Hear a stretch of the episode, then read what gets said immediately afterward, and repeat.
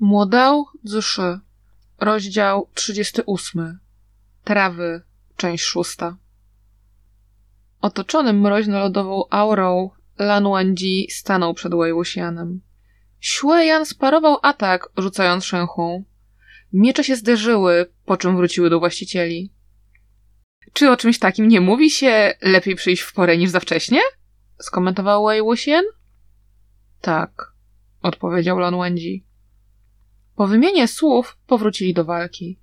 Kilka chwil wcześniej Wei Wuxian został zapędzony w kozi róg przez Xueyana, ale teraz sytuacje się odwróciły. Xueyan w reakcji przewrócił oczami i z uśmiechem przerzucił sząchło do lewej ręki, a prawą ułożył do rękawa.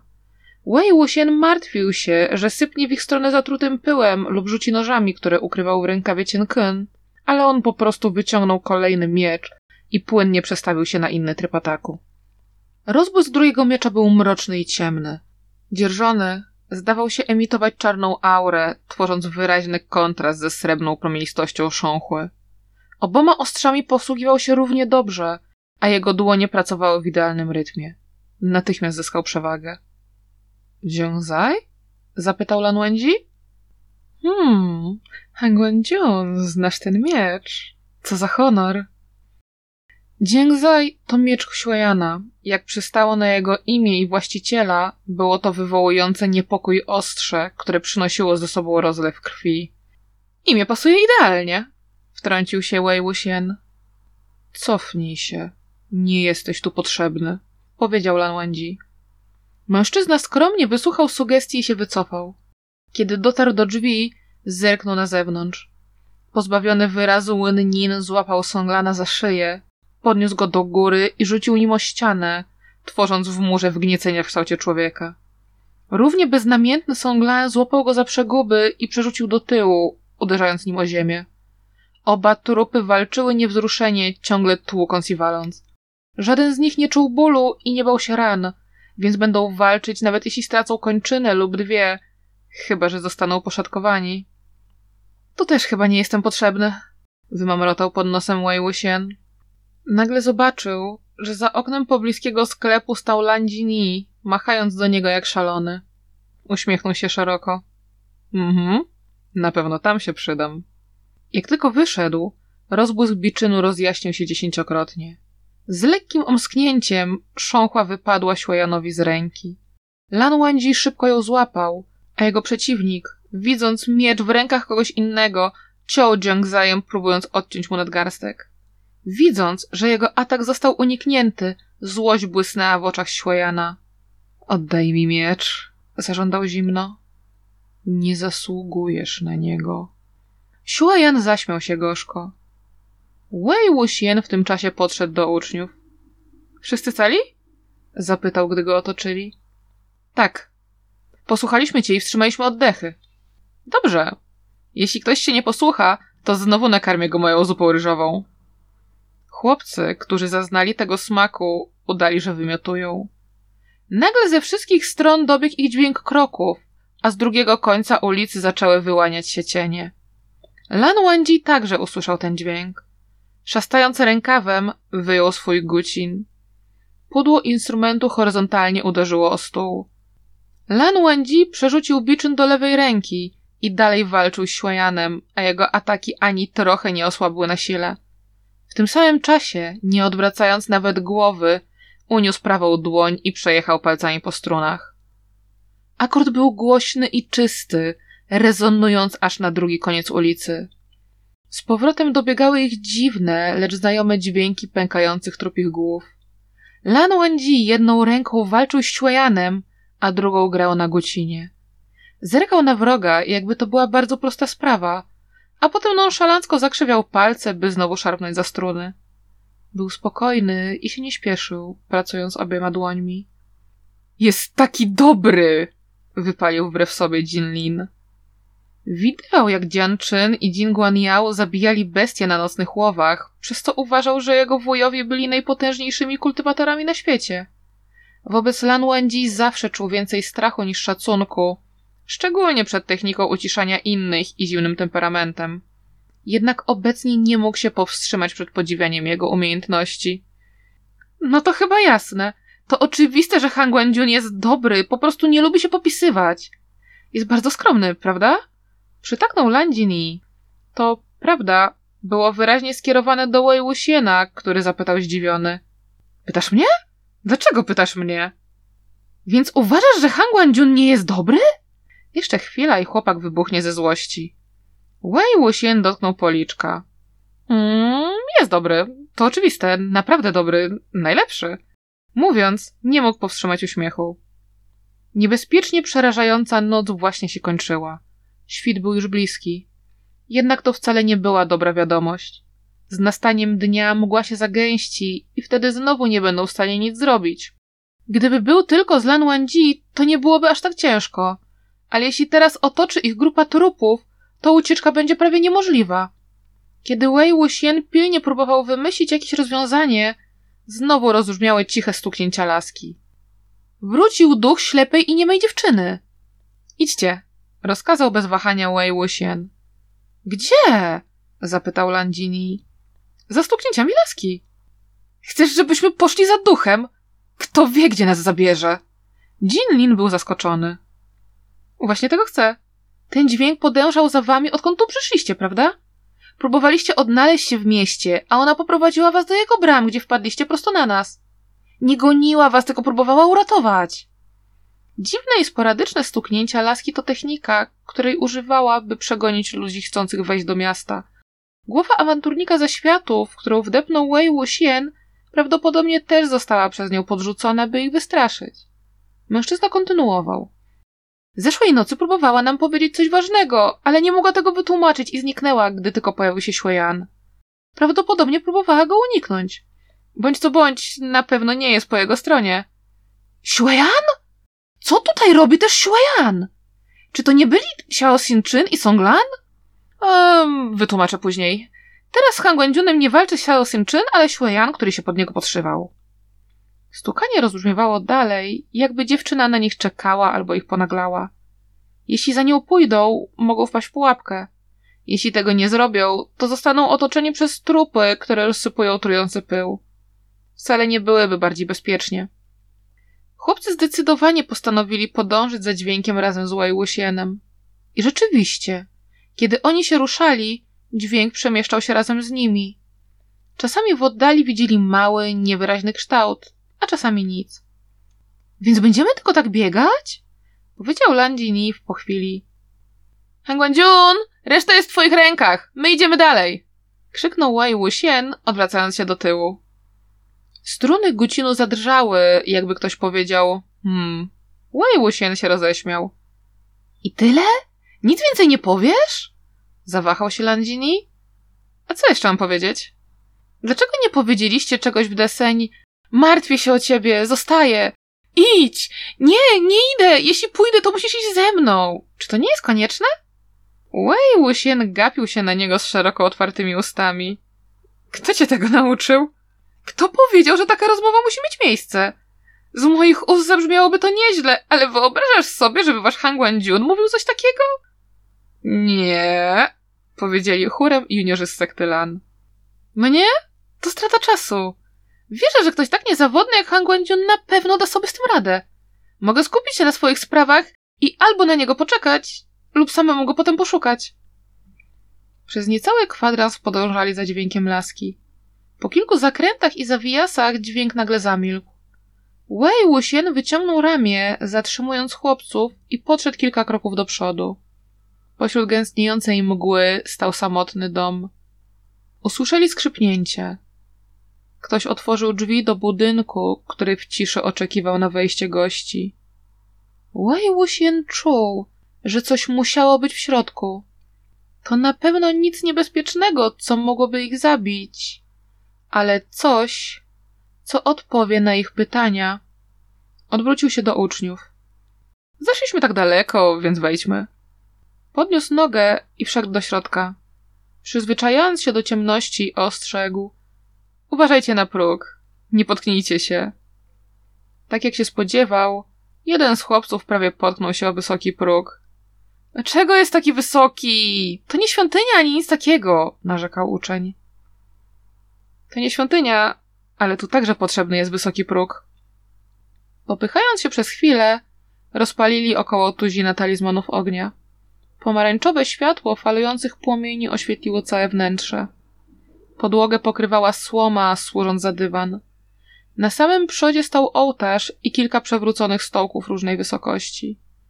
Oprócz nich w pomieszczeniu leżało także siedem lub osiem drewnianych trumien. Więc to jest ta tak zwana kostnica? To tutaj tymczasowo przetrzymuje się zmarłych? Dokładnie.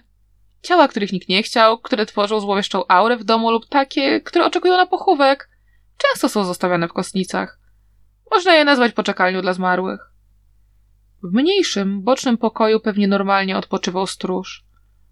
Seniorze Mo, dlaczego próg jest taki wysoki?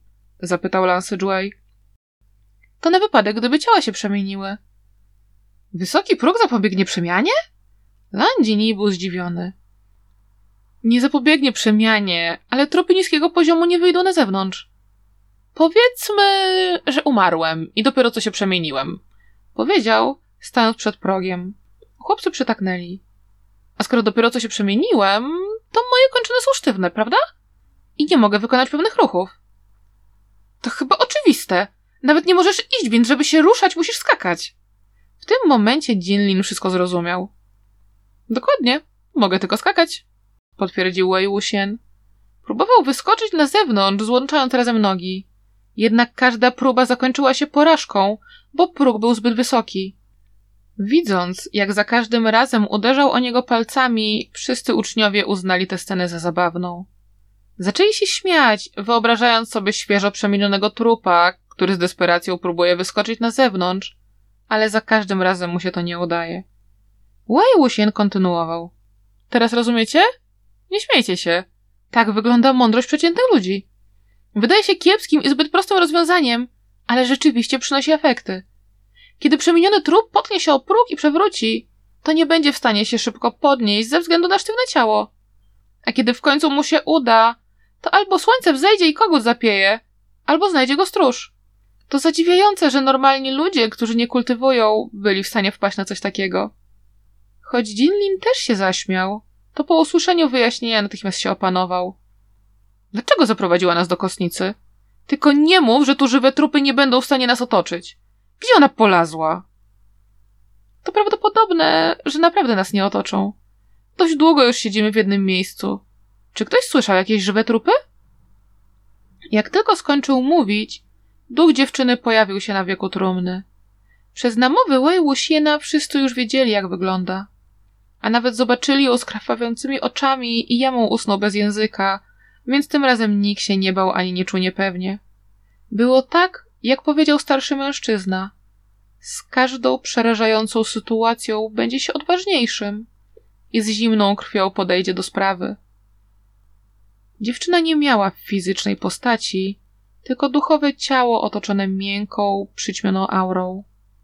Jej sylwetka i twarz były drobne. Jakby o siebie trochę zadbała, to stałaby się czarującą dziewczyną z domu obok. Jednak teraz siedziała z szeroko rozstawionymi nogami, przez co ani trochę nie wyglądała uroczo. Bambusowy kij, którego używała jako laskę, oparty był o trumnę. Jej nogi zwisały w dół, latając nerwowo w tej z powrotem.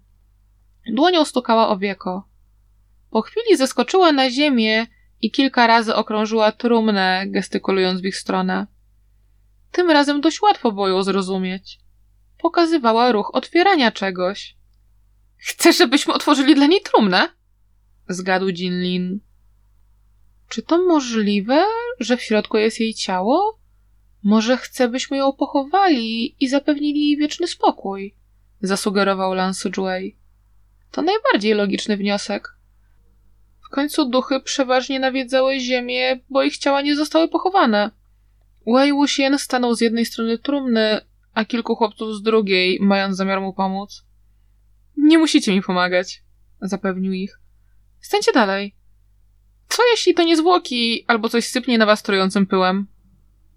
Sam otworzył trumnę i położył wieko na podłodze. Zerknął do środka, widząc ciało. Jednak nie było to ciało dziewczyny, a kogoś innego. Był to młody mężczyzna. Został ułożony w spokojnej pozycji ze skrzyżowanymi rękoma, pod którymi leżała packa z końskiego włosia. Jego ciało ubrano w śnieżno-białą szatę kultywacyjną. Kształt dolnej połowy jego twarzy w połączeniu z bladym licem i miękkimi ustami był bardzo przystojny i wyrafinowany. Górna część została owinięta warstwami bandaży. W miejscu gałek ocznych materiał się zapadał. Nie miał oczu, tylko puste oczodoły.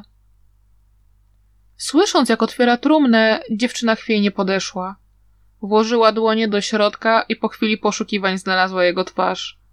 Tupnęła, a krwawe łzy ponownie spłynęły po jej policzkach. Wszyscy zrozumieli. Niepotrzebne były żadne znaki czy słowa. Pozostawiony samotnie w trumnie wewnątrz oddalonej kostnicy. Tym trupem był prawdziwy Xiao Sinchon. Łzy ducha nie były w stanie skapnąć na ziemię. Po chwili płaczu dziewczyna nagle wstała i przez zaciśnięte zęby powiedziała do nich: Och! Wyglądała na wściekłą i zirytowaną, jakby naprawdę chciała wyrazić swoje myśli. Zagrać znowu zapytanie? Zapytał Lance Joy. Nie ma takiej potrzeby. Możliwe, że zadamy złe pytania i nie dowiemy się, co nam chce powiedzieć. Myślę, że jej odpowiedź będzie skomplikowana i ciężka do zinterpretowania. Choć nie powiedział, nie dasz rady tego zrobić, to Lance Joy i tak się zawstydził. Jak wrócę, to będę uczył się pilniej. Muszę być tak biegły, szybki i pewny jak Han Guangjun, obiecał sobie w duchu. No to co zrobimy? zapytał Landini. Co powiecie na empatię? Każda z głównych sekt specjalizowała się w różnych metodach zbierania informacji i szukania materiałów na temat duchów. Wei Wuxian był najlepszy w empatii. Jego metoda nie była tak wyczerpująca jak innych sekt. Każdy mógł jej użyć. Wystarczyło po prostu poprosić ducha, by opętał twoje ciało. Używając go jako medium, mógł wejść do duszy i wspomnień ducha, usłyszeć, co słyszał, zobaczyć, co widział i poczuć, co czuł. Jeśli uczucia były nadzwyczaj silne, to złość, ekstaza i smutek były w stanie odbić się na kultywatorze, stąd właśnie nazwa.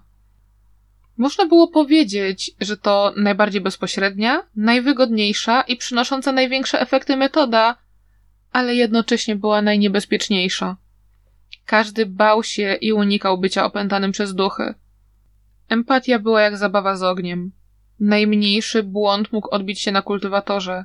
Jeśli duch nie dotrzymałby swojego słowa i wykorzystał tę okazję do ataku, to w najlepszym razie zakończyłoby się to przejęciem ciała empatyzera. To zbyt niebezpieczne! Korzystanie z takiej mrocznej techniki przez kogoś... zaprotestował Jinlin. Okej, okay, okej. Okay. Kończy nam się czas. Stańcie prosto. Szybko. Nadal musimy znaleźć Hangwandziuna, jak skończymy. Jinlin, będziesz nadzorował. Przerwał mu Wei Wuxian. Osoba nadzorująca była niezbędna podczas rytuału empatii. Musiał ustalić specjalny znak w przypadku, gdyby empatyzer zgubił się we wspomnieniach ducha.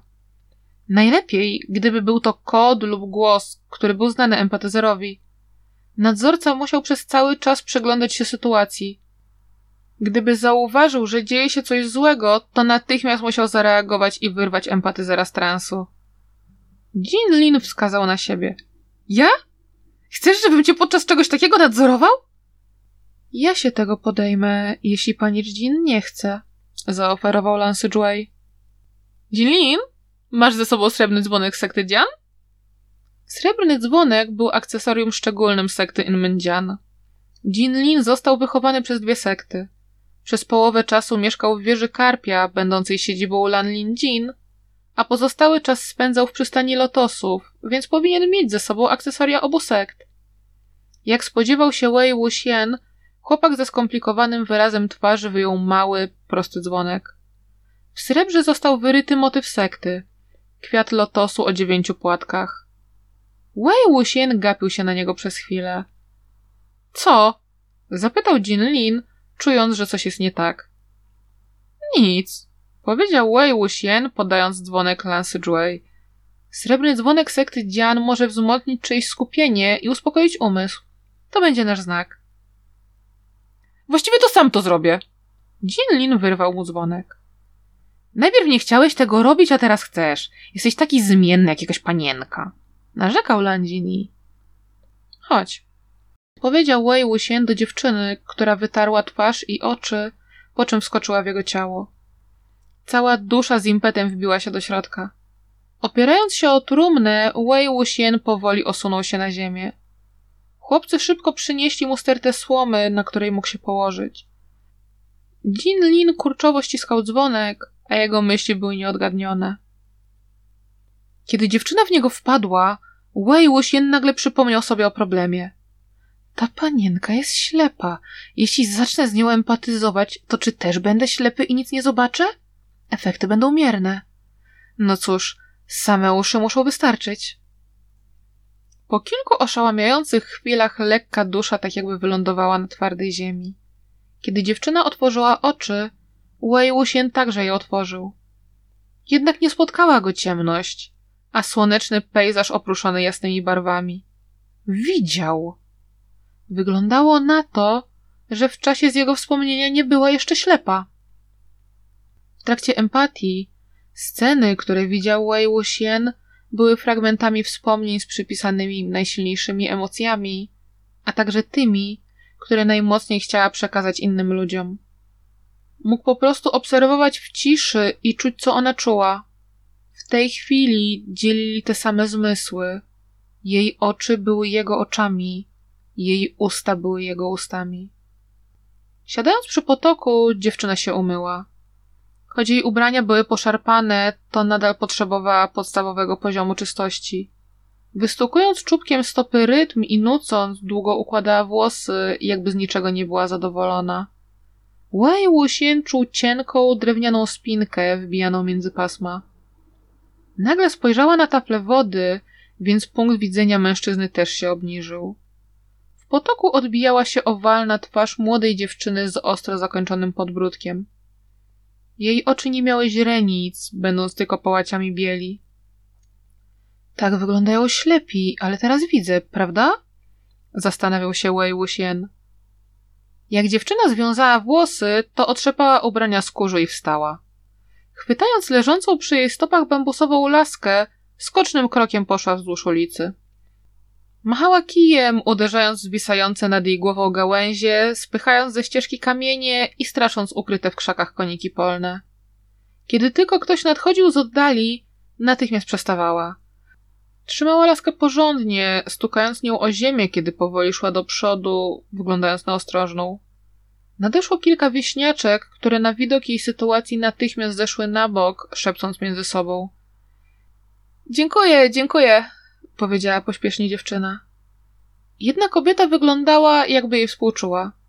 Unosząc materiał, którym zakryła kosz, wyjęła ugotowaną na parze bułeczkę i jej podała. Ostrożnie, siostro. Jesteś głodna? Weź i zjedz. Ja mogę to przyjąć? Ja, ja... E... Dziewczyna przyjęła wdzięcznie. Weź. Wieśniaczka wepchnęła jej bułkę w rękę. Siostro, Acin jest ci bardzo wdzięczna. Więc miała na imię Acin. Żegnając się z kobietą, Acin w kilku kęsach skończyła jeść i poszła dalej, z każdym krokiem podskakując na wysokość 8 centymetrów.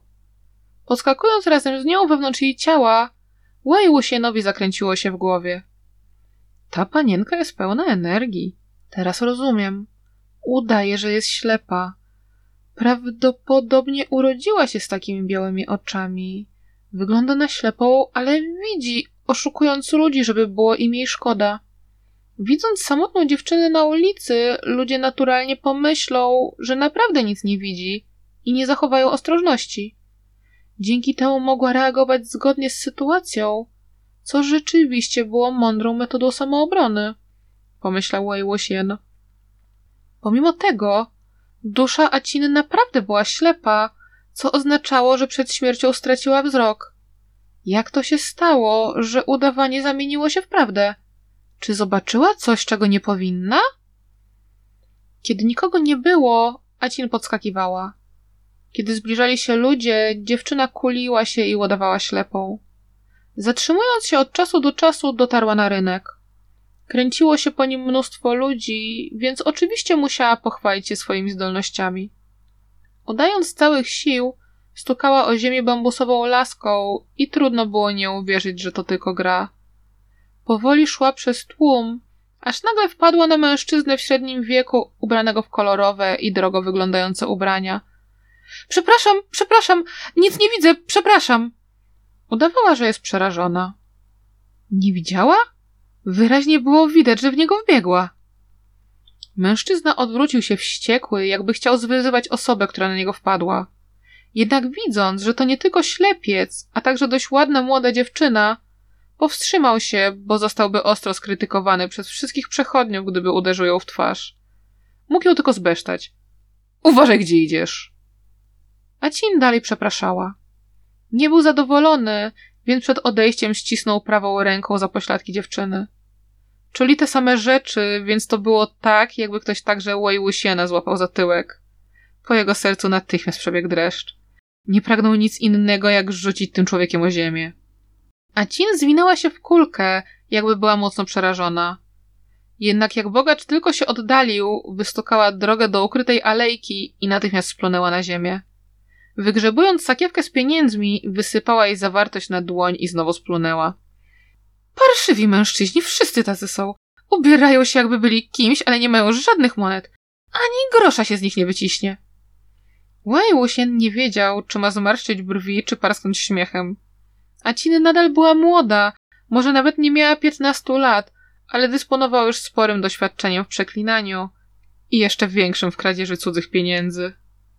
Gdyby ukradła moją sakiewkę, to nie musiałabyś tak kląć. Kiedyś też byłem bogaty, wspominał. Kiedy wzdychał nad swoją obecną biedotą, Acin już znalazła swój następny cel.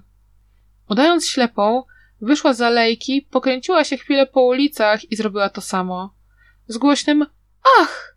wpadła na ubranego na biało kultywatora, przepraszając. Przepraszam, przepraszam, nic nie widzę, przepraszam. Wei Wuxian milcząco potrząsnął głową. Ta młoda piękność nawet nie zmieniła gadki. Osoba, na którą wpadła, odwróciła się w jej stronę i pomogła jej stanąć prosto. Nic mi się nie stało. Panienko, też nie widzisz? Mężczyzna był dość młody. Jego szaty kultywacyjne były proste, ale czyste, a na plecach niósł miecz owinięty w biały materiał. Dolna połowa jego twarzy była dość przystojna, choć trochę wynędzniała. Górną część twarzy zakrywały bandaże szerokie na cztery palce. Skóra przy ich krawędzi zabarwiona była krwią.